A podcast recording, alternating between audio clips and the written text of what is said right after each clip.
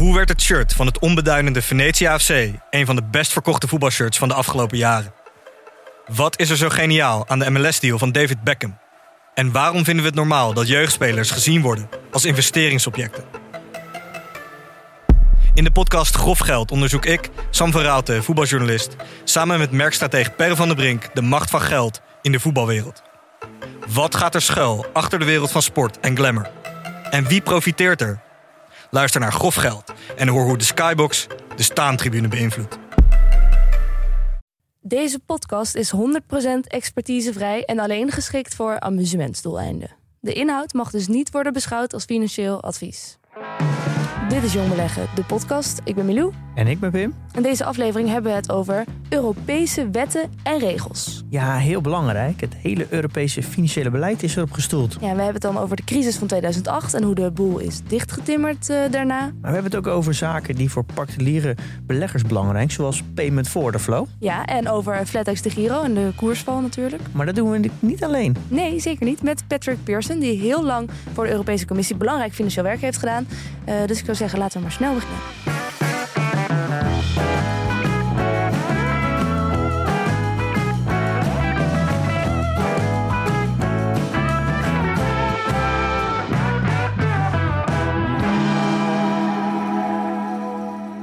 Eerst even rechtstreeks eh, tot de luisteraar. Als je je oren dus nu even echt goed spitst, dan zou het zomaar kunnen dat je een glimp op gaat vangen van uh, ja, het hele bouwwerk waar het Europese financiële systeem op rust. Namelijk de wet en regelgeving zoals die is opgesteld door de Europese Commissie. Maar dan moet je wel dus goed opletten, want uh, nou, ik zeg dat maar even omdat ik weet dat mensen vaak de neiging hebben om een beetje uit te schakelen zodat ze het woord Europa of de Europese Commissie horen. Want het is gewoon zo'n. Ja, ik heb hier net het woord horen gebruiken, moeras. Uh, Patrick Pearson, welkom overigens. Het is een beetje een moeras voor mensen. Niemand snapt wat er nou eigenlijk gebeurt. Ja, goedemorgen. Goedemorgen. Het is, het is, het is het is ondoorzichtig, het is niet transparant. Maar het is wel belangrijk, want 75% van alle wetten en regels in Nederland komen uit Brussel. We denken vaak dat die door het Nederlands parlement uh, worden geschreven en onderhandeld met uh, Economische Partij Nederland. Dat is helemaal niet zo. Nee. Ze komen direct uit Brussel. En maar jullie zijn de Europese Commissie. Of althans, jij was daar heel, heel lang onderdeel van. 36 jaar heb je ervoor gewerkt. Uh, hoofd van uh, afdeling Financial Market Infrastructure and Derivatives geweest. En de Europese Commissie die is dus het uitvoerend orgaan al daar. Want het parlement, dat is het politieke gedeelte. Zij bedenken het en jullie maken het dan de regels. Moet ik het zo zien? Nou, het ligt niet net iets anders. Okay. Ik, ik, ik ben twaalf jaar hoofd uh, derivaten en clearing and settlement geweest. Met Jan-Bart de Boer, mm -hmm. paar afleveringen geleden over gesproken. En daarvoor ben ik hoofd bankentoezicht en bankenregulering geweest. Okay. Dus tot aan de ja. financiële crisis, tot vlak daarna. En uh, de wetten die komen uh, uit de koker van de Europese Commissie. Ja. Volgens het EU-verdrag is er maar één instelling die wetten mag voorstellen. Dat is de commissie. Als er geen voorstel is, ja, dan valt er ook weinig uh, te reguleren. Dus wij stellen die wetten voor. Die gaan naar het Europees Parlement. Die gaat er oh. heel democratisch naar kijken, met een, een, een, politieke blik. En die worden ook nog eens bekeken door de lidstaten zelf, de 27 lidstaten. De ministers van Financiën, die komen bij elkaar. En dat noemen we de Raad. Ja. Dus wij stellen voor, de oh. Raad en het parlement nemen hem aan. Oké. Um, uh, je zegt al van banken en toezicht ben je ook lang uh, hoofd van, van de afdeling geweest. Was dat ten tijde van de financiële crisis? Ja, ik uh, heb gewerkt aan de bankenregels. noemen ze Basel I. Dat was begin jaren 80. En in de jaren 90 hebben we die regels aangepast, aangescherpt. Hè, bankenbedrijven geëvolueerd, complexer geworden. Dat hebben we Basel II genoemd. En het probleem met Basel II was dat alles wat verkeerd ging in een financiële crisis kun je eigenlijk zien in die bankenregels. Te weinig uh, toezicht op en niet genoeg strikte regels voor complexe financiële producten. Mm. Dus we liepen eigenlijk één of twee stappen achter de markt. En dat is goed. Doorgaans is dat onze insteek. Wij lopen nooit voorop, we willen innovatie toestaan. Je kan niet alles dicht gaan, gaan, gaan dichtreguleren. Basel II, uh, een van de problemen was natuurlijk het toezicht op complexe financiële producten, financiële derivaten, die een groot onderdeel van het probleem vormen. En het zijn er ook nogal wat. Dat zijn er nogal wat. Tegenwoordig praat je over 64.000 miljard wereldwijd. Dus Wat? 64 met 15 nullen erachter. Eh, nou, daar kun je een aantal keer Afrika van kopen, heeft iemand eens een keer eh, uitgerekend. Dat is een gigantisch volume. Nou, hadden we veel te weinig toezicht op. Enerzijds omdat heel veel van die derivaten waren OTC. Jan Bart de Boer heeft het uitgelegd op eerdere postcards. Dat zijn dingen die je bilateraal met elkaar afspreekt. En eh, ze werden niet centraal gecleared. Je wist nooit wie een exposure had iemand anders. In de bankenregels destijds stond wel heel duidelijk... die handel die moet je in een eh, juridisch aparte entiteit onderbrengen, een SPV. Maar die SPV die stond in de praktijk niet los van de financiële instelling, van de bank of de broker. En dat bleek, dat zag je heel goed met Lehman's, maar ook eh, bepaalde Duitse banken, Amerikaanse banken. Ja, alles was met elkaar vervlochten. Niet transparant. Iedereen liep risico op elkaar. Ja, Je wist niet, eh, kon ik er niet zomaar vertrouwen. kon je echt niet op vertrouwen. En het moment dat er ook maar iets verkeerd ging in Amerika, en dat gebeurde ook, ook heel duidelijk een mooi verhaal waarom dat eh, verkeerd liep. Eh, economische belangen, de Amerikaanse bouwsector, die, die liep achter. Amerikaanse regering, centrale bank, de Fed, die zei daar moeten we meer in investeren. Hebben ze gedaan, grote bouwprojecten, heel veel huizen gebouwd. Maar ja, als je een huis bouwt, moet je ook iemand hebben die hem koopt. Ja. En er waren gewoon niet voldoende mensen die genoeg spaargeld hadden op een rekening om eh, dat soort hypotheken af te sluiten. Dus hebben ze allemaal schimmige constructies bedacht. Ja, we weten het. Met allemaal teaser rates, dat je heel snel in kon stappen, maar pas na twee, drie jaar echt eh, ging afbetalen op je hypotheek. Ehm, al die rare hypotheekjes met die teaser rates, die werden samengebundeld, samengebundeld in hele vreemde financiële producten. Met een eh, gunstige rating natuurlijk. Een, eh, fantastische rating. En die, die financiële producten is ook een heel mooi verhaal. De eh, hele slimme jongens, er zijn er dus tien geweest, geloof ik. Begin, eind jaren negentig van JP Morgan. Die zijn bij elkaar gaan zitten op een keer, brainstormen. En die kwamen met credit default swaps op. Die, die hebben het heel goed ontwikkeld. En die mensen, dat zijn hele slimme mensen. Hele bekende mensen ook in, in, in die sector. Hebben zij een goede sier meegemaakt. Hebben ze heel veel geld mee verdiend. Wat zag je bij die eh, financiële crisis? Die rommelhypotheken, die werden samengebundeld. Niet in CDS'en, maar in CDO's. Collateralized Debt Obligations. Hebben ze techniek van CDS gebruikt om die rommelhypotheek in een ander product te stoppen, een CDO. En die werden dan weer opgesplitst, CDO squared, CDO cubed. Heel, heel ondoorzichtig, eh, heel complex. En die werden verkocht op de markt. Op een bepaald ogenblik zat bijna de hele bankensector in die producten. En niemand weet eigenlijk nog waar dat geld überhaupt ooit een keer misschien vandaan is gekomen. Zo ingewikkeld wordt Het, het. het probleem trad op op het moment dat die rommelhypotheken, die teaser rates af, afliepen. En mensen een hypotheek niet meer konden betalen. Wat zag je in Amerika? Dat heel veel eh, hypotheekbezitters hun sleutels in een envelop stopten. En gewoon bij de bank afleverden en vertrokken. En een hypotheek niet meer betaalden. En het aparte is, ik weet nog dat ik in 2007 in december een diner had in New York. En een collega van de Federal Reserve Board zei: Jongens, ik stop ermee. In januari eh, ga ik iets anders doen. Ik ga weg bij de Federal Reserve Board, bij de toezichthouder. Ja. Want er staat iets verschrikkelijks te gebeuren. Oh, dat wist hij.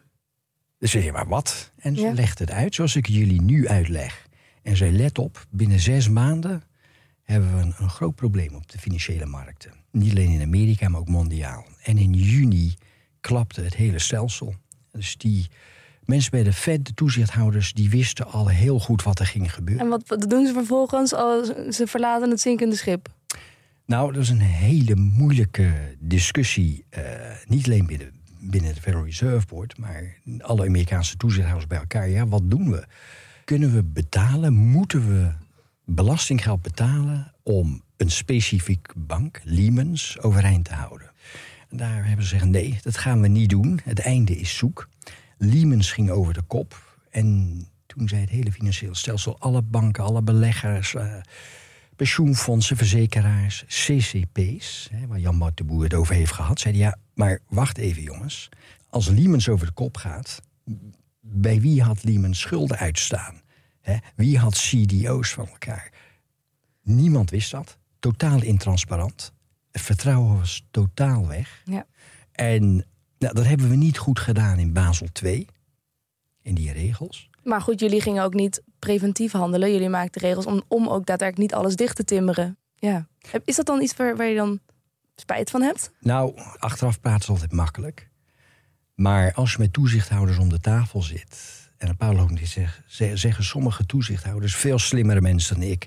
Ik begrijp ook niet hoe zo'n CDO Cube in elkaar zit. Ik kan hem ook niet strippen. Ja. Achteraf gezien had je moeten zeggen, ja, die SPV's hadden duidelijk juridisch. Uh, er had een muur tussen moeten staan. Tussen die SPV's waar die, die producten in werden ondergestopt en de, en de financiële bedrijven. Ja, daar had je wat meer voor, voor, voor kunnen doen. Ja. Ik vond eigenlijk, eigenlijk wat je net vertelde, is eigenlijk een soort van samenvatting van de Big Short. Dus in grote lijnen herken ik dit verhaal van, eh, van de film die ik een aantal keer gezien heb. Ja, ik ken hem. Het is een hele goede film. Ik ken ook een aantal mensen die, eh, die heb ik achteraf gesproken, die hebben meegewerkt aan, aan de film. En zo is het ook echt, echt ja. gegaan. Eén, zei, een van die mensen zei, je moet je voorstellen, en dit is echt Amerikaanse jargon, trailer trash from Tallahassee, living in a six-bedroom mansion. dus je hebt mensen die eigenlijk zo'n hypotheek nooit konden betalen, hun leven niet. Er werden agenten op afgestuurd met prachtige verhalen. En die, die vertrekken uit zo'n woonwagenpark. Die gaan er in zo'n gigantische villa zitten met vijf slaapkamers, met, met een zwembad. tegen hele lage maandelijkse lasten. Een paar ogenblik houdt het op. Ja. Die lasten gingen 2, 3, 400 procent omhoog. Ja, vertrekken ze. Is het eigenlijk veranderd nu sinds 2008? Ben je dan meer van reactief naar proactief gegaan nu, sinds 2008? Dus de afgelopen zeg, 14 jaar? Het blijft in principe reactief. Uh, er zijn een paar uitzonderingen, crypto, komen we straks misschien op. Maar het blijft altijd reactief. Dus als het kalf verdronken is, dempt men de put? Ja, maar je probeert altijd van tevoren te voorkomen dat uh, het kalf verdrinkt. Ja. Je moet weten, als financiële toezichthouders en regelgevers om de tafel zitten, uh, hebben ze eigenlijk één instinctieve insteek. En dat is wat als, what if. En als je die financiële regels ziet, als je ze leest, denk je, mensen, kinderen, dat is wel erg stevig hoor, allemaal. Um, als in, het zijn er heel veel en ze zijn heel streng? Heel veel, heel streng. Maar je wil innovatie in de financiële sector, productontwikkeling natuurlijk niet in de kiem smoren. Dat is natuurlijk levensader van je economie. Ja. Dus je probeert altijd een balans te bereiken. Maar je zit altijd eh, met de gedachte in, in je achterhoofd, wat als? En dat komt omdat als het verkeerd gaat, betalen de burgers, betalen de belastingbetalers. En we hebben wel vangnetten. Het bankenstelsel hebben we het, het, het depositogarantiestelsel. Je eerste 100.000 euro bij een bank altijd afgedekt. De bank failliet gaat. We hebben natuurlijk een beleggerscompensatiestelsel. Ja, 9% eerste 20.000 euro altijd gedekt. Dat is er. Maar Ja. als er echt een grote financiële crisis komt, leidt iedereen. Kijk maar naar 2007, 2008. Mensen hebben een huis verloren, scheidingen, eh, een baan verloren, pensioenen in rook op zien gaan. Daar zit die toezichthouder altijd aan te denken. Of nou de AFM of de Nederlandse Bank is in Nederland. Alle toezichthouders in Europa en over de hele wereld zitten altijd om de tafel met het idee: wat als? Ja. Maar je bent eigenlijk nooit het echt kwijt natuurlijk. Het gaat natuurlijk constant over waardevermindering. Je bent natuurlijk niet je aandelen kwijt, je bent niet je huis kwijt. Het is natuurlijk dat de waarde van je bezittingen gaan naar beneden. De- die scheiding is wel goed gemaakt tegenwoordig, volgens mij. Is heel goed gemaakt. En dan kom je ook op een heel moeilijk terrein, bijvoorbeeld pensioenen. Als je pensioen in gevaar komt, gaat je inkomen omlaag. Of je kunt je pensioen als geheel verliezen. Maar dan sta je als belegger, want we zijn allemaal beleggers, bijna allemaal beleggers. We hebben allemaal beleggingen via pensioenfondsen bijvoorbeeld. Eh, niet, eh, niet noodzakelijk geweest, maar heel veel Nederlanders weten niet dat ze via een pensioenfonds actieve beleggers zijn. Dus zelfs twee, drie stappen van de financiële markten vandaan kijken de toezichthouders, kijken de regeringen ook mee van is die sector wel goed gereguleerd? En we hebben ooit eens een, een onderzoekje verricht in, in Europa. Welke sector is het, het meest gereguleerd? Van alle economieën bij elkaar. Is nou de landbouwsector, hebben we het over douane. En dat is de financiële sector. Ja. Er is geen enkele andere sector die zo is dichtgetimmerd met regels. Wie een bedrijf mag leiden. Met hoeveel mensen je een bedrijf mag leiden. Hoeveel kapitaal je achter de hand moet houden. Wat je mag doen, wat je openbaar moet maken, wat je moet rapporteren, wanneer je moet rapporteren. Hoe vaak je moet rapporteren binnen een uur. Um, wat gebeurt er als er iets verkeerd gaat? Wie is er verantwoordelijk? Welke faillissementsregels zijn van toepassing? Welke fiscale regels zijn van toepassing? Het is een dusdanig complexe sector dat je daar gewoon niet meer van afkomt met simpele regels. Zo in het begin van de jaren mm. 90 of 2000. Maar het is eigenlijk een goede ontwikkeling. Want het is, ja, als het natuurlijk fout gaat, dan heeft, kan het zoveel impact hebben op mensenlevens. Omdat het natuurlijk eigenlijk, ja, zonder geld kan je niet leven. Het is natuurlijk eigenlijk een uh, vrij logische ontwikkeling, denk ik. Dat het, het is eigenlijk bijna bizar dat dat hiervoor nooit zo goed gereguleerd was. Nee, het is natuurlijk wel, regels komen er vaak bij. En gaan er niet zo snel af. Dus uiteindelijk kom je gewoon met een steeds ingewikkelder bouwwerk, lijkt me, van regels. Hè? Want ja, regels komen er vooral gewoon bij. Er is uh, nog een andere slogan. Dus de toezichthouders zitten om de tafel, vaak met het idee van what if, hè, wat als. Dat is een ander beleidspunt. Tweede heb ik genoemd. Dat is, als het even kan, nooit voorop lopen op de markt als niet nodig is. Maar de derde is een hele mooie. Dat heeft een, een centrale bankier ooit eens in de vergaderingen gezegd. Hij zei: Gradual improvement is better than instant perfection. Langzaam verbeteren is veel beter dan een instant perfecte oplossing. En zo kijken de regelgevers er ook tegenaan. Enerzijds door noodzaak. In Europa hebben we met 27 verschillende landen te maken. En bovendien, wat weten wij nou? Wij zijn regelgevers, toezichthouders. Wij zijn geen bankiers. Ik heb in mijn afdeling in het verleden altijd uh, geprobeerd om mensen uit de markt binnen te halen. Dus bankiers, toezichthouders, maar mensen die ook uit de financiële sector kwamen, brokers. En die gaven altijd een heel andere kijk op onze ontwerpregels binnen de Europese Commissie. Wij als regelgevers, als, als, als commissieregelgevers, zeiden altijd: ja, werkt het juridisch, werkt het economisch? De mensen uit de markt zeiden altijd, Patrick, ja, maar ik kijk het anders tegenaan. Dit artikel is wel heel mooi geschreven, maar wat heeft voor impact op de bedrijfsvoering? Begrijpen we het? Kunnen we hier überhaupt mee overweg? Tim je het niet zo ver dicht dat bepaalde producten niet meer mogelijk zijn? Ja. Moet het hele bedrijfsvoering... heel praktisch zijn. Theorie versus heel praktijk, ja. ja. Niet makkelijk, maar wel hartstikke belangrijk. Je hebt al in het voorgesprek heb je gezegd dat, dat, dat, jullie dat maar met 60 man hebben gedaan. Dus al dus de Europese Commissie met 60 man. Deze specifieke tak dan, hè? Ja. Dat is de financiële marktsector. Dus als ik zeg 20 man voor clearing and settlement, dat is waar Jan Bart de Boer een uur over heeft gesproken bij jullie. Ja. Hebben 20 man aangewerkt. Dus aan centrale tegenpartijen, CCP's. Daar werken vijf man aan. Hm. Centrale bewaarplaatsen, effecten, vijf man. En de regels dan die daar regels liggen, die ja. daarvoor verantwoordelijk zijn. Als je kijkt naar de regelgeving voor financiële markten zelf, de beurzen. Er zijn negen man die eraan werken, die daarvoor verantwoordelijk zijn. Die kan ze met naam en toename opnoemen. vrouwen, kinderen of ze, of ze huisdieren hebben. En negen mensen die dus verantwoordelijk zijn voor eigenlijk alle voorstellen voor wet en regelgeving als het gaat om uh, in Europa. Dat is natuurlijk echt heel weinig. Bankensector, twaalf man. Ja.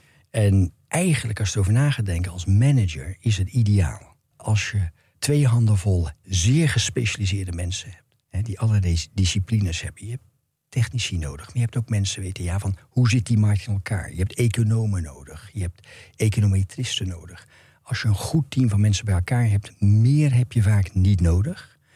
Je bent heel gefocust. Je kunt heel snel informatie opnemen en heel snel met elkaar delen. Ja. Het verbaast me als mensen denken dat de Europese Commissie een kind met een waterhoofd is. Er werken meer mensen hier bij de gemeente Amsterdam, bij de Europese Commissie. En de Europese Commissie kijkt naar landbouwbeleid, douane, um, handelsverdragen, buitenlandse betrekkingen, alles. Je grotere portefeuille. Klinkt, klinkt heel effectief allemaal. Je eigenlijk als een start-up. Uh, done is better than perfect, zei je net al. En uh, start-up moet ook klein blijven, heel erg een speedbootje. Uh, klein team, geen managers, ben allemaal experts. Ja. Het, is, het, is, het is echt, als je naar management en organisatietheorie kijkt... en je wil kijken naar een flatline organisatie, een flat organization... bij de Europese Commissie zie je het eigenlijk heel onverwachts... in ieder geval in de financiële sector. Maar er zijn ook nadelen. Als je met een, een, een, een heel klein team werkt... de sector kent dat team die, die kennen die mensen individueel. Die hebben een telefoon op, oh. het publiek. Ja. Er is niks mis mee. Je staat natuurlijk wel erg bloot aan eh, lobby, in de, in, in de brede zin van het woord. Ja. Wij, wij kijken er wel eens met een nare smaak naar, maar het is helemaal niet vies. Nee? Wij hebben absoluut niet. ehm, ik heb altijd gezegd. Als ik mensen aanwerf, wil ik in ieder geval weten dat ze exact weten hoe het in hun eigen land is geregeld. Hoe hun financiële markt in elkaar zit. Want je moet een vertrekpunt hebben. Als je dan 27 landen moet, moet bekijken, sta je open voor 27 invloedssferen. Iedereen heeft zijn eigen belangetje. Je moet mensen hebben die dat goed op waarde weten te schatten. Maar je hebt ook checks en balances nodig. Dus je hebt ook binnen onze organisatie mensen die een bredere politieke kijk hebben. Die zeggen, ja maar wacht even, je hebt een fantastisch technische oplossing kunnen verzinnen. Maar hoe zit dat met het Duitse financiële systeem, systeem in, in zijn geheel? Eh, hoe werkt dat bijvoorbeeld met de Nederlandse pensioenfonds? Ja. Maar wat is dan het nadeel? Het nadeel is, we zijn zo groep, dat het, zo klein, dat het absorptievermogen niet groot is. Heeft voordelen, maar heeft ook nadelen. Absorptie van? Eh, absorptievermogen van invloed. Eh, de grote bedrijven, de brokers, de grote internationale banken, die weten ons allemaal te vinden. Maar wat weten wij nou van het individuele belang van een Spaanse belegger? Het is een mooi eh, citaat. De voorloper van ESMA, dus de Europese Club van Toezichthouders op Financiële Markten, heette CESAR, C-E-S-R. En de eerste voorzitter van CESAR was een Nederlander, Arthur Dokters van Leeuwen. En Arthur Dokters van Leeuwen die zei ooit eens... Bring me a European investor, dead or alive. Want wat is het belang van een Europese belegger? Is het belang van een belegger in Litouwen hetzelfde als het belang van een belegger in, in, in Portugal? Dan ga ik ook meteen aan de vraag van bestaat de Europeaan dan? Precies, dat is een hele filosofische, maar fundamentele vraag. En vandaar dat je ziet, en Tom Smiers eh, van het AFM heeft hier een hele tijd geleden ook een Ja. heel mooi verhaal, een goed verhaal, doorvlog verhaal gehouden. Hij zei, ja, wij richten ons toezicht eh, niet eh, op de individuele belegger, maar op de broker, op de beleggingsmarkten, op de beurzen. En die regels in Europa zijn er eigenlijk ook op gericht. Want hoe kun je nou een, een individuele belegger reguleren? Je kunt ze belangen reguleren. Ja. Als het de grootste gemene delen van, van alle beleggers, van jullie als belegger, is vertrouwen. Je wil vertrouwen hebben in de markt. Dat is het belangrijkste. Dat er geen rare producten daar de ronde doen, waar niemand iets van begrijpt.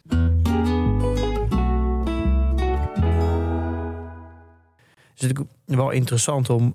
Want dan hebben we natuurlijk de, alle lokale beurswaakhonders, zoals de AFM en de BaVin in Duitsland. En in principe hebben ze het allemaal hetzelfde belang, maar ze zullen ook in op een bepaalde manier hun eigen industrie willen beschermen. Is het dus dan zo dat als er wetgeving komt vanuit Europa, dat komt denk ik dan vanuit de ESMA, denk ik, meer voor de brokers, of ook vanuit Brussel? Alles komt van de Europese Commissie. Oh, betekent dat dus dan in alle Europese landen eh, de wetgeving overal exact hetzelfde is? Dus het maakt eigenlijk niet uit of je nou een broker hebt uit Duitsland of uit Frankrijk of, of uit Denemarken. Dus ze hebben allemaal de, precies dezelfde wet en regelgeving waar ze aan moeten voldoen. Een van de lessen die we hebben getrokken uit de financiële crisis is dat de wetgeving uit Europa tot dat moment te veel ruimte overliet voor interpretatie.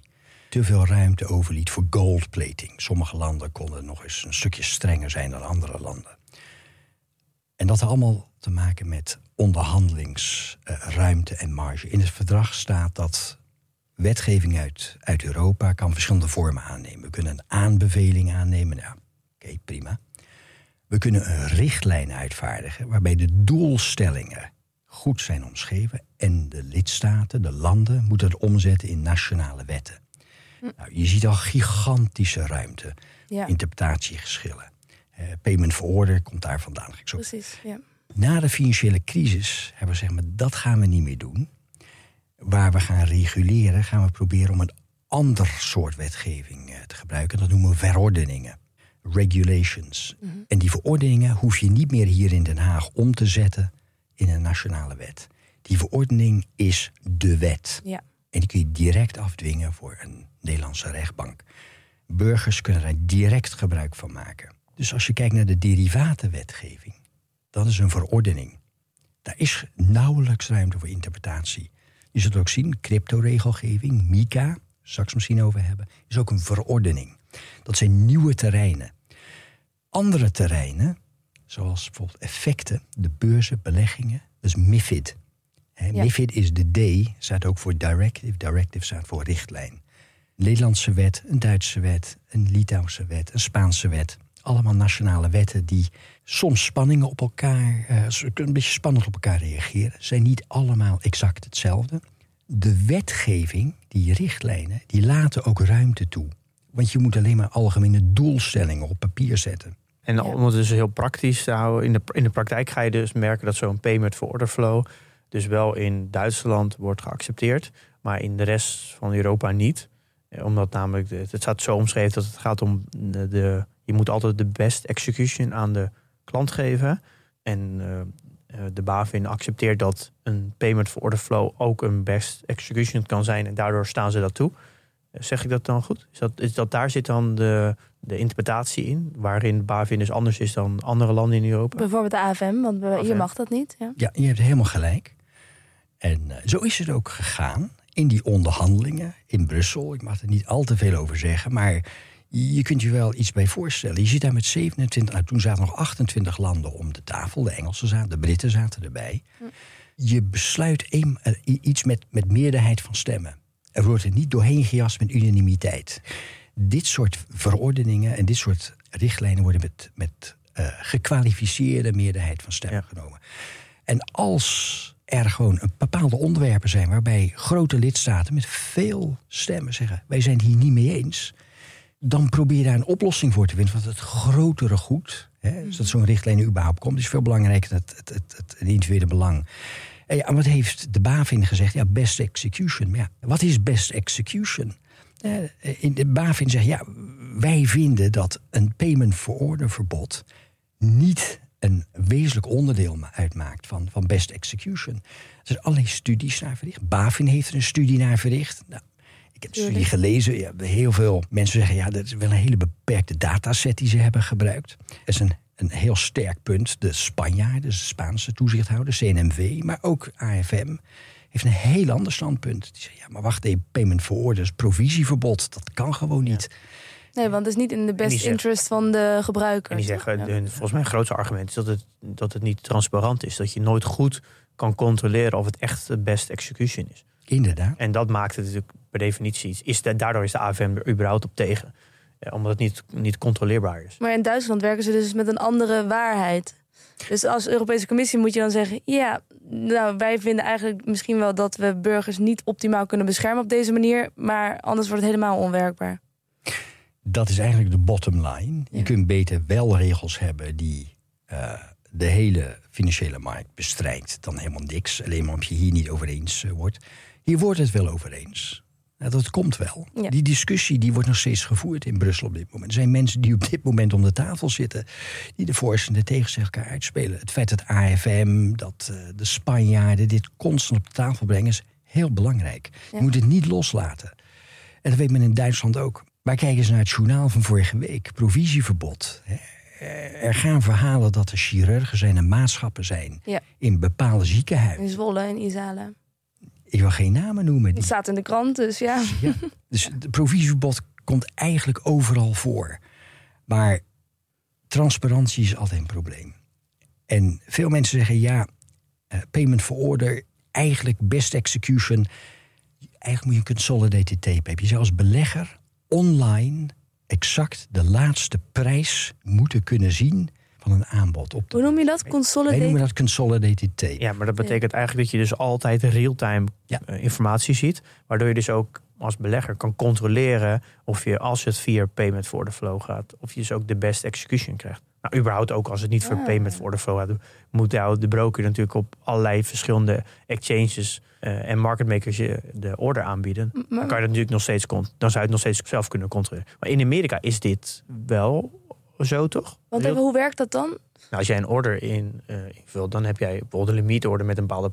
Nou, niet een market order met een bepaalde prijs. En, je, en die wordt dan uitgevoerd. Dan wil je natuurlijk wel zien op het moment van uitvoeren. of dat de allerbeste prijs in de markt was.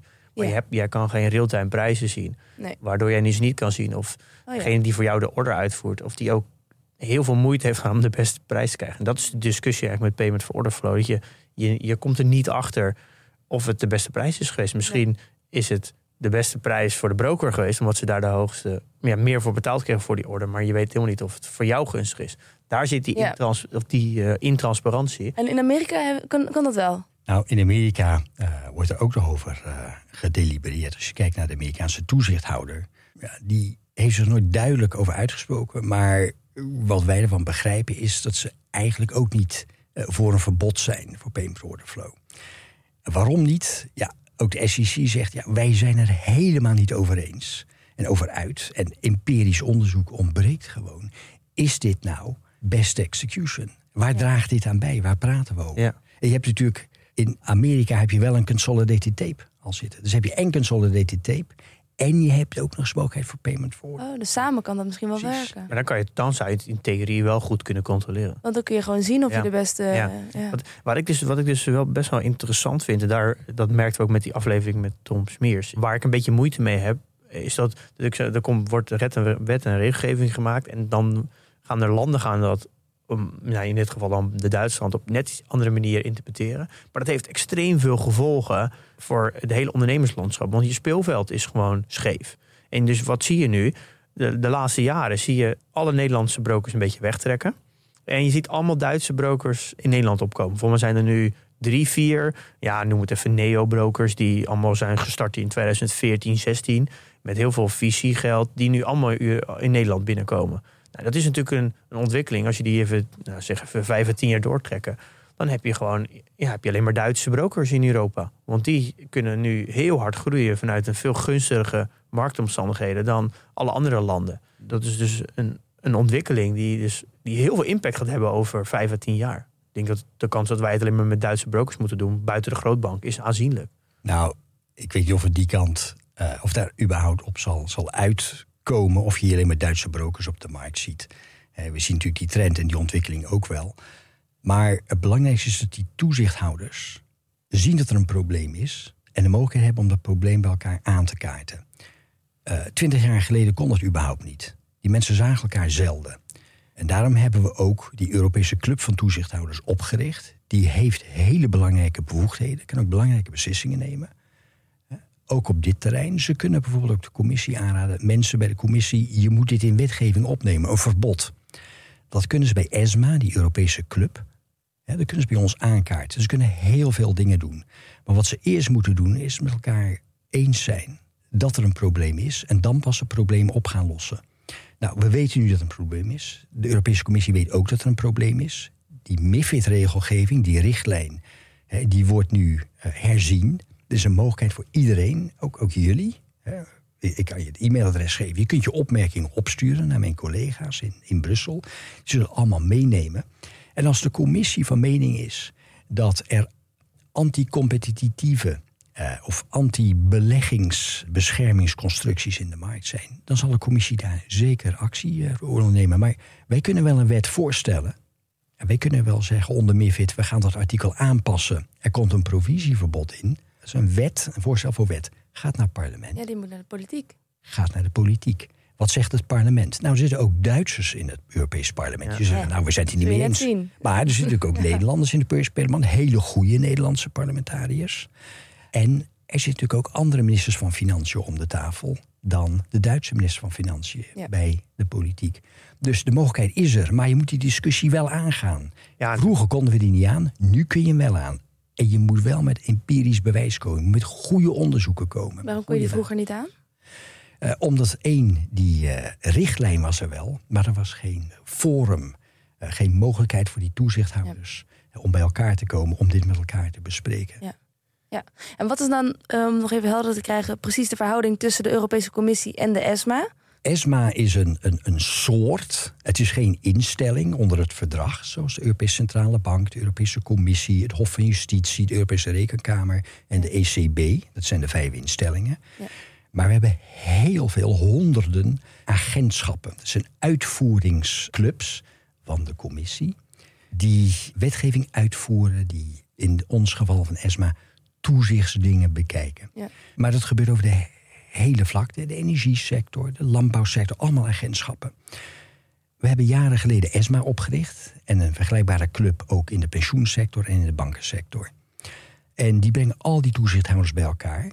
Eh, ze hebben bevoegdheden. Ze kunnen geen eh, wetgeving voorstellen of Ja. wetgeving uitvaardigen. Ze kunnen wel gedetailleerde voorstellen uitvaardigen.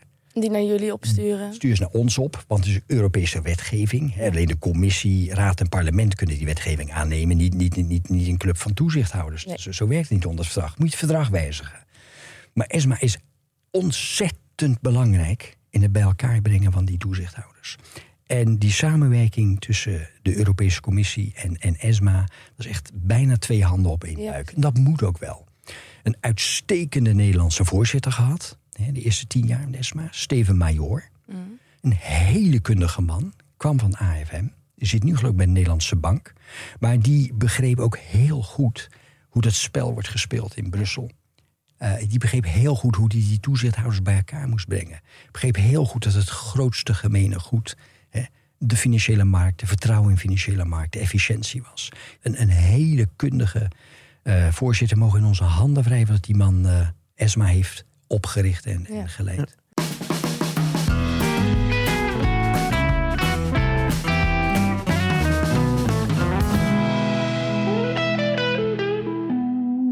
We hebben het al even over 2008 gehad, de financiële crisis. Ik denk dat heel veel luisteraars zijn opgegroeid in een gezin waar de ouders heel veel invloed hebben gehad hoe ze over financiën praten en over financiële markt. In ieder geval, dat heb ik in ieder geval wel meegemaakt. Ik denk dat eh, bijna alle ouders, vooral de babyboom generatie, wel eh, die hun blik op de financiële markt heel erg heeft veranderd door de 2008. In negatieve zin bedoel je dat Ja. het vertrouwen even helemaal Ja, de imago, heeft, de financiële sector heeft heel veel imago-schade gehad si- sindsdien. En ik denk dat heel veel eh, mensen ook eh, vanaf dat moment met afschuw tegen die sector aankijken. en, dat denkt dan mee, van, wanneer dat- gebeurt het weer? en dat meegeven aan de kinderen. Is dit iets wat, wat nog een keer kan voorkomen? Of kan je bijna met zekerheid zeggen, nou, we hebben dat zo veranderd, zo dichtgetimmerd. Het gaat nooit meer zo zijn zoals het was.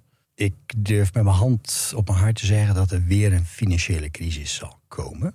Mhm. Eh, maar dat is niet de juiste vraag. De, vraag. de juiste vraag is waar, in welke sector, waarom.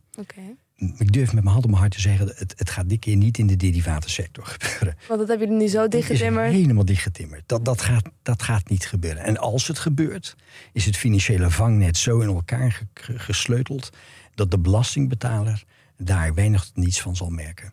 Dus de juiste vraag is, waar gebeurt het? En als je kijkt naar de, de grootbanken, als je kijkt naar de Goldman Sachs, die hebben afdelingen, die doen niks anders dan kijken waar zit financial fragility? Waar, heb je de potentiële risicosectoren? Waar moeten wij als financiële sector ons op richten? Nou, Maar zijn het zelden met elkaar eens. Eh, Ze hebben allemaal een andere ideeën. Dat heeft ook met een eigen bedrijfsmodel te maken waar, hun, waar de grote risico's liggen. Eh, Sommigen hebben gezegd, ja, het zit in international trade. Anderen hebben gezegd crypto. Het, is, het, het, het verandert eigenlijk eh, met, met, de markt, met de markt mee. Moet je bang zijn voor eh, een crisis in de financiële sector? Ik denk ook dat de regeringen na de ervaringen van de laatste financiële crisis er ook voor waken dat de belastingbetaler de volgende keer voor de kosten opdraait. Hoe doe je dat? Hoe voorkom je dat? Dat is eigenlijk door dag in dag uit eh, je oor te luisteren te leggen, weten hoe de markten functioneren, informatie ontvangen, de toezichthouders, de Nederlandse bank, de AFM in Nederland, in, in, in Nederland zijn wat dat betreft eigenlijk, ik zou bijna zeggen, voorlopers in Europa. Die zitten echt aan de top eh, bij, bij risicobeheersing, risicomanagement, weten wat er in de markt speelt. Die informatie delen ze met elkaar binnen ESMA, binnen de Europese Centrale Bank. Eh, er verschijnen regelmatig rapporten. Ga maar eens googlen. Financial crisis, financial fragility. Eh, die informatie is, is beschikbaar. En daar wordt ook naar gekeken. Er wordt op gereageerd door toezichthouders. maar daar hebben we het toch wel over iets proactievere houding met het oog op regels maken. Voordat het misgaat. Voordat het kalf verdrinkt. Nou, crypto is een heel mooi voorbeeld Ja, daarvan. dat wou ik nog naartoe. Want dat is natuurlijk een sector die nog heel erg in opkomst is... en waar nog bijna helemaal geen regels zijn. Wat we ook hebben gezien met het omvallen van FTX. FTX. Vertel. De regelgevers zijn eigenlijk pas in actie gekomen nadat Facebook met Libra kwam. Ja, Libra. is Een eigen, Een eigen, eigen currency. munt, eigen Oh ja, currency. ja. Toen zijn de mensen in Brussel wakker geworden. Eh, uit eigen, eigen initiatief, maar ook omdat heel veel financiële toezichthouders zeiden: ja, maar jongens, wat gebeurt hier? Want wanneer was dit? Praat je over 2018 zijn we wakker geworden. Ja, zoiets. Die, is een paar keer geturnd naar een andere naam, maar zo om die periode, denk ik. Zijn we wakker geworden en die discussie kwam gelijk Een Pavlov-reactie van wetgeving moeten, reg moeten reguleren. En je hebt bepaalde mensen in Europa, niet alleen de commissie, maar het parlement, ook missies van financiën, toezichthouders zeggen: Pavlov-reactie is een probleem, reguleren, wetgeving. Nou, de commissie heeft toen gezegd, met, met de meerderheid van alle toezichthouders: ja, maar wacht even, we weten hier nog zo weinig van. Er is een functie, er is een behoefte in de markt. Als wij nu ingrijpen, is de kans heel groot dat die hele ontwikkeling wordt verstikt. We gaan het even aankijken. En dan heb je verschillende belangen. Ja, de Europese Centrale Bank kijkt, ja, is het betalingssysteem in gevaar? Het monetair systeem. Dat was niet het geval op dat moment. De consumentenhoek zegt, ja, maar wacht even, we moeten de belegger beschermen. Maar dan heb je mensen, ja, maar wacht even, dit is geen bankdeposito, dit is een beleggingsrisico. markets go up, markets go down. Je kunt je geld verliezen. Uh, anderen zeiden, ja, maar hoe kun je dit überhaupt reguleren? Het is veel online, het is digitaal. als we hier beginnen te reguleren, waar, waar houdt het op? Dus we hebben gezegd, we wachten het even aan. Nou, dat is eigenlijk in de loop der jaren, afgelopen twee jaar, drie jaar, heeft die discussie zich nu zover ontwikkeld dat er een voorstel voor wetgeving ligt. MICA, Mhm. Marketing Crypto Assets. Wetgeving 2024 zou het volledig operationeel moeten zijn. Maar het interessante daar is het vertrekpunt geweest beleggersbescherming. Niet zozeer de marktbescherming, maar beleggersbescherming. We hebben aangrijpingspunten genomen uit de bankensector, uit de financiële marktensector. En waar nuttig hebben we die op deze cryptosector uh, losgelaten. Maar zei, ja, maar wat heb ik daar nou aan? Crypto, FTX, ziet wat er verder nog gebeurt in die markt. Hè, wat is er nog over over twee jaar? Maar goed, zo lang duurt het ook om die wetgeving met elkaar te onderhandelen. Om ervoor te zorgen dat het ook werkt. Dat iedereen begrijpt wat erin staat. En wordt die van toepassing kan worden verklaard. Ja. Uiteindelijk gaat de cryptowereld dus ook gereguleerd worden. Maar in een veel rapper tempo. Want alle learnings van de, vanuit de traditionele sector, financiële sector, die worden eigenlijk gewoon in de sneltreinvaart naar de cryptosector gebracht. Klopt helemaal. Maar je ziet nog steeds dat er bepaalde partijen zijn die zeggen: je moet die, die sector helemaal niet reguleren. Twee oud-collega's van mij bij de Europese Centrale Bank hebben twee weken geleden een, een, hele heftige discussie ontketend.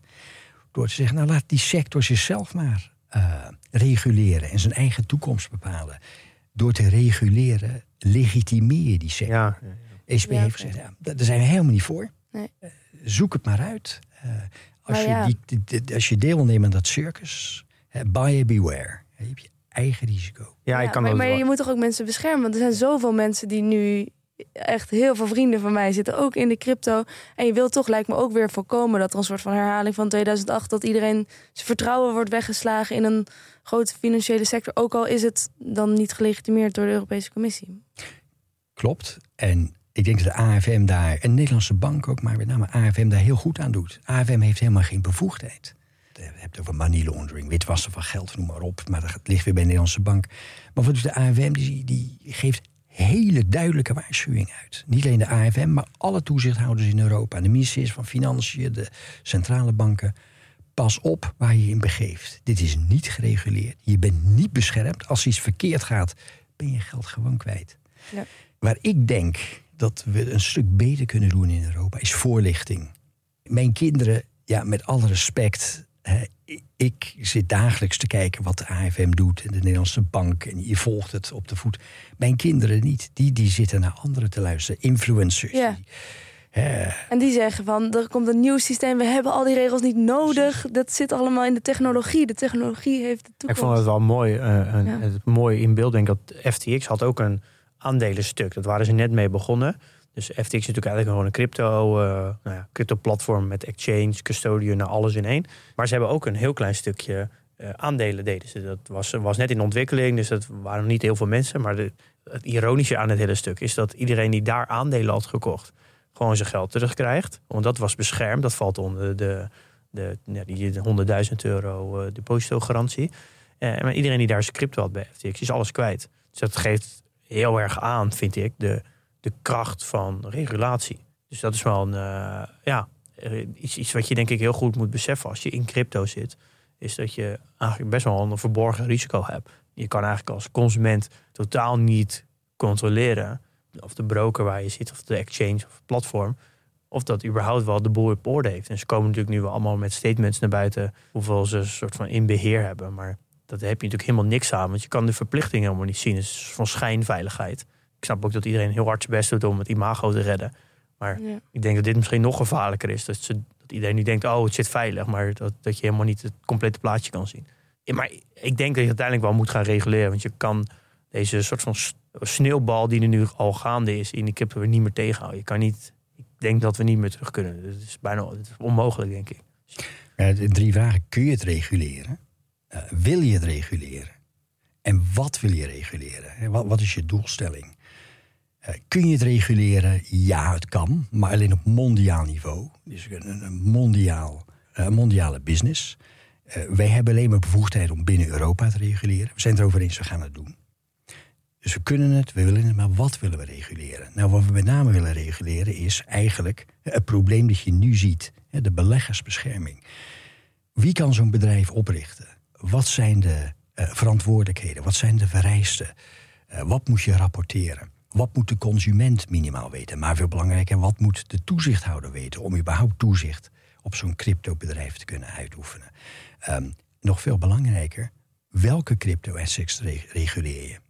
Want we hebben nu, even kijken, negen of tien definities opgenomen van verschillende activa. Maar ik geef je op een briefje, binnen 24 maanden heb je weer drie of vier nieuwe erbij. Dus Ja. je moet heel flexibel kunnen reguleren. En het belangrijkste is dat de problemen die bij FTX, maar daarvoor ook bij anderen die we hebben gezien, dat die niet meer voorkomen, die niet meer gebeuren. Voorkomen dat er een probleem op. Ook gewoon het scheiden van, eh, van bepaalde onderdelen in de sector. Dus het eh, custodian scheiden van de, van de broker en exchange zijn hele simpele dingen eigenlijk. Ik denk wel dat door de MICA gaat er een onwijze grote consolidatieslag in, eh, in de cryptowereld. Er zijn nu zoveel exchanges, zoveel brokers. Maar die, die kunnen allemaal zo lean en mean opereren. Omdat ze helemaal geen wet en regelingen. Ze hebben geen compliance afdeling. Het, is allemaal, het zijn gewoon een hoopje developers en, een, ho- en met een groepje marketeers erbij. En moment dat Mika erin komt, moeten die partijen zich helemaal gaan uitbreiden in allerlei soorten eh, functies. Die natuurlijk niet direct bijdragen aan, aan nieuwe omzet en aan groei van platform en innovatie. Waardoor heel veel partijen, denk ik, eh, overgenomen gaan worden om, om het anders niet meer rendabel is. Je gaat denk ik een hele grote consolidatieslag krijgen. Eh, En overal reclame nu van crypto-brokertjes bij voetbalclubs en bij nou, influencers. Dat gaat denk ik straks in heel grote lijnen verdwijnen, denk ik. Ja, in de financiële sector is heel simpel. Geld is water. En water vloeit naar het laagste punt. Minste regelgeving. Groot, hè, minste kosten. Grootste omzet. Zo simpel is het. Vandaar dat die cryptosector zich zo ongebreideld heeft kunnen Ja. eh, groeien en, en, en, en de afgelopen jaren. Maar het is bij de derivatenhandel ook geweest. Het is bij de subprime mortgages in Amerika ook geweest. Water, geld is als water. Vloeit naar het laagste punt. Ga je dat reguleren, zal je ook zien. De returns die verminderen. De regels die wegen zwaarder. Je ziet dat er gewoon heel veel kleine bedrijfjes niet meer kunnen voldoen aan die regels. Of het gewoon te duur. Ja. De overhead wordt te duur. Ja, natuurlijk, ja. En dan houdt het op. Dus Ja. ik denk dat Mika heel veel verandering zal aanbrengen, ook in de markt. Maar het belangrijkste is, is dat de beleggers zelf worden bereikt. En ik denk dat daar nog een, een goede taak eh, ligt voor de toezichthouders, voor de regelgevers, voor de ministeries, voor de AFM. Om te zeggen, jongens, Mika komt eraan, maar beleggers, dit betekent het, maar dit betekent het niet. ja. Hè, gebruik dit nou als een, een, een heel goed handvat eh, om naar buiten te gaan, om jonge beleggers te bereiken. En misschien moet je ook andere platforms gebruiken, andere informatiekanalen om dit te doen. Ja. Want hoeveel jonge beleggers lezen het Financieel Dagblad? Ja, Hè, hoeveel jonge beleggers loggen er bij dnb.nl in? Ja. ja, nee, ze luisteren allemaal naar podcasts, YouTube en zo'n soort eh, Instagram. Voorlichting, daar gaat het om. Voorlichting. Ja. De Oostenrijkse spaarbanken, die hebben 20, 25 jaar geleden, een kwart eeuw geleden, het heel goed ingezien. Oostenrijk is een heel traditioneel conservatief land.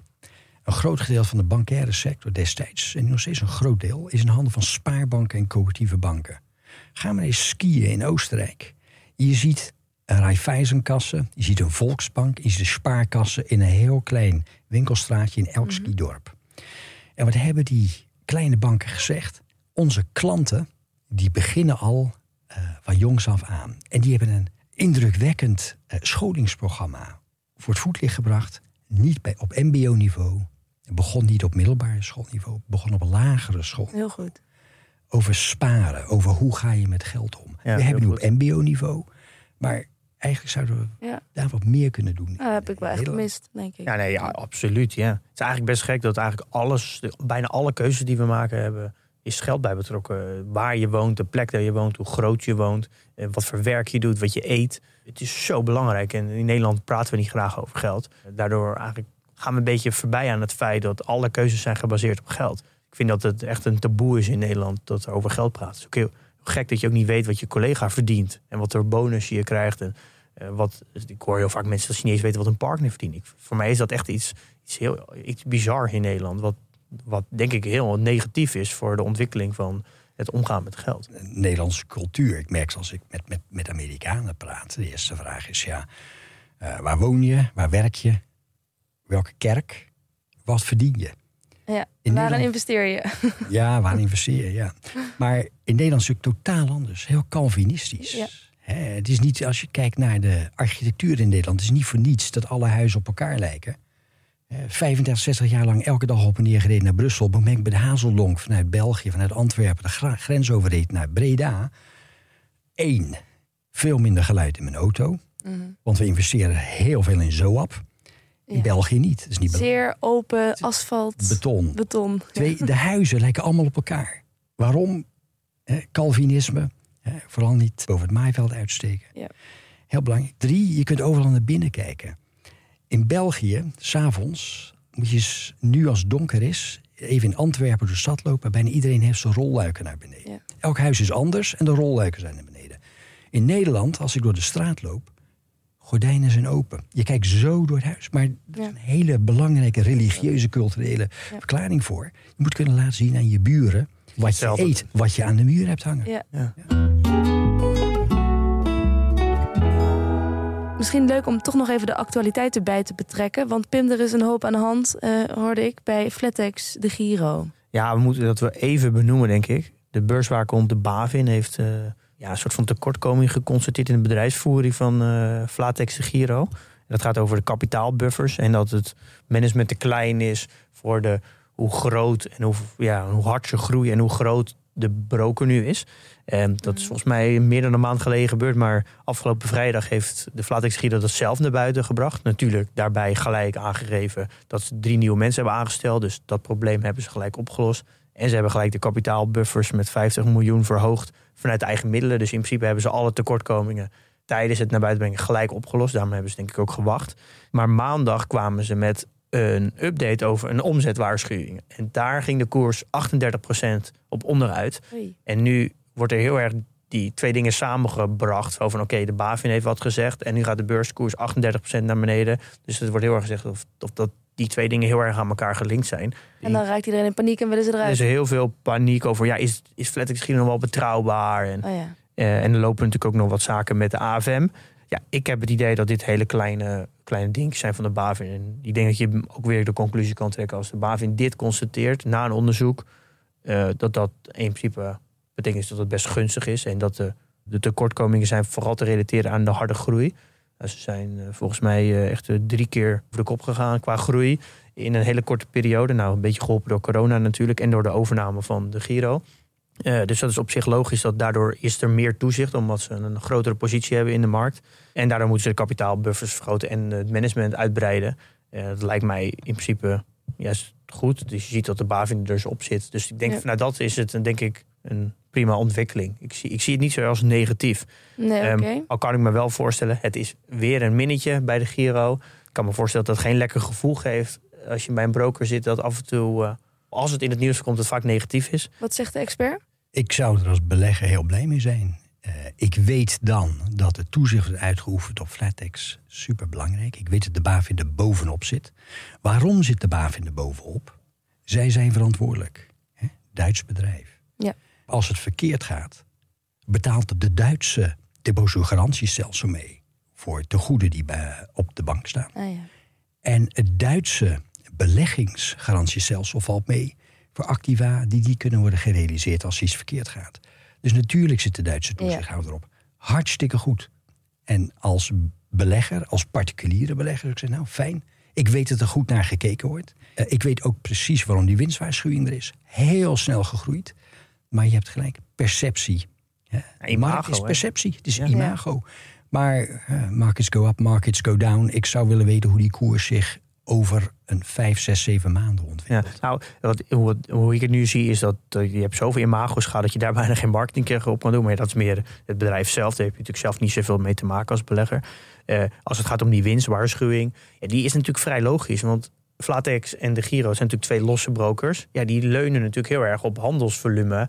Ja, op handelsvolume van hun klanten. Dus hoeveel transacties worden er gedaan? Ja, als dat natuurlijk flink naar beneden gaat, ja, dan hebben ze minder omzet. Nou, minder omzet betekent ook minder winst. En ze hadden aangegeven dat ze een stukje van hun eh, cash en ook de winsten die ze zouden maken, die zouden ze teruggeven aan aandeelhouders in de vorm van eh, een mogelijk dividend of share buybacks. Nou, ze hebben dus nu in plaats van een cadeautje wat ze in eerste instantie hadden aangegeven, hebben ze nu terug ingetrokken en stel gezegd, nou, de marges gaan van 31, 41 volgens mij naar 37 procent. De winst daalt ook nog eens. Dus daar reageert natuurlijk, de beleggers reageren daar heel erg op. Van ja, wacht even, dit is natuurlijk een, eh, een extreme winstwaarschuwing. Nou, daardoor wordt de koers afgestraft. Ehm, Mees heeft daar ook een video over gemaakt. Die kan je in de show notes vinden. En die, die kijkt daar een beetje naar de cijfers. Maar dus dit zijn wel twee losse dingen. Eén gaat over het bedrijf, gewoon als belegger zijn in het bedrijf. En de ander gaat als klant van Flatex Giro. Dus die twee dingen moet je wel los van elkaar zien. Ehm, ik beleg zelf niet in dit aandeel. Dus Ja. eh, ik heb ook niet, verder niet heel goed naar gekeken. Maar de daling heeft naar mijn idee meer te maken met het bedrijf dan met het nieuws over de BaFin.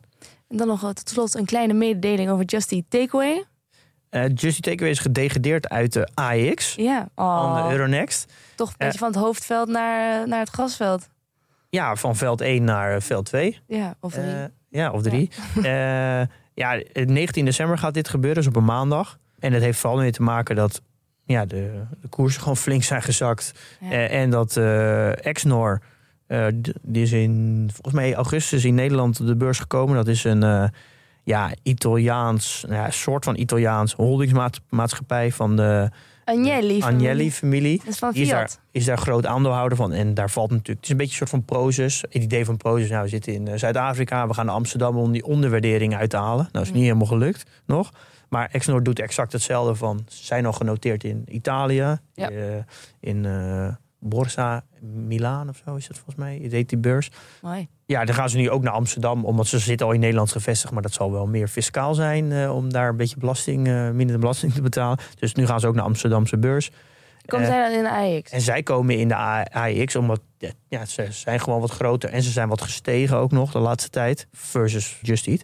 En het, in de holding zit een gedeelte Ferrari, volgens mij 22% van Ferrari. Ze hebben, zijn eigenaar van Juventus, ook niet, ze hebben nergens 100% van. En de Economist. En daar is een heel mooi eh, die is bladachtig.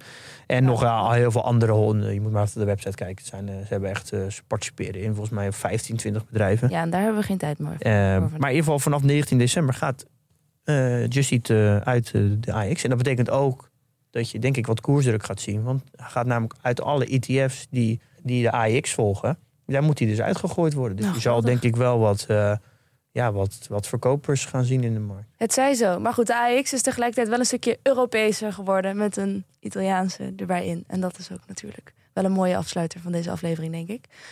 Nou, Patrick Pearson, heel veel dank dat je gast wilde zijn vandaag. Veel geleerd over de EU. En over de Europese Commissie eh, in het bijzonder natuurlijk. En over de regels. Ehm, jij gaat nu ja, door met... eh, ja, je bent gestopt bij de Europese Commissie. Maar je doet nu vooral maatschappelijk werk, hè? Ja, dat klopt. Ik vond het na 5, 36 jaar mooi geweest. Ik ben maar Ja. 61 gewoon stop bij de commissie. Ik doe Ja. nu andere dingen in, in Nederland. Maatschappelijk werk, UNICEF, Ja. vrijwilligerswerk. Eh, net een boek geschreven over derivatenhandel in, in Europa. Derivatenregulering met wat andere collega's. Cathartisch proces. Je moet even van je afschrijven. En als je echt wil weten hoe eh, regels worden gemaakt in Brussel... en hoe je moet lobbyen en niet moet lobbyen... En, en hoe je iets gedaan moet krijgen... en vooral hoe je iets wil stoppen in Brussel... lees dat boek maar. We gaan het boek even in de show notes zetten. Ja. Moet je even een link sturen, dan kunnen mensen het daar vinden als ze er interesse in hebben. Ja. Ehm, ja, dankjewel. Ik ben eigenlijk best wel meer gerustgesteld eigenlijk. Ik heb eigenlijk best wel een goed gevoel over eh, de wet en regelgeving in Europa. Nou, dankjewel. En eh, ga vooral stemmen bij de Europese verkiezingen. Want daar worden jullie wetten gemaakt. ja. In Europa. Beetje Niet zo nodig in... eh, Wanneer zijn die verkiezingen? zo over twee jaar we er weer. Oké, even onthouden, jongens. Eigenlijk is deze, is het, heeft het veel meer impact dan, eh, dan nationale verkiezingen. De impact van Europa is zoveel groter aan het worden. Ja, maar het is niet altijd even sexy. Dat Nee. Dat hoeft ook niet. Tot volgende week, eh, lieve luisteraars. En eh, in de tussentijd investeer in je kennis en beleg met beleid.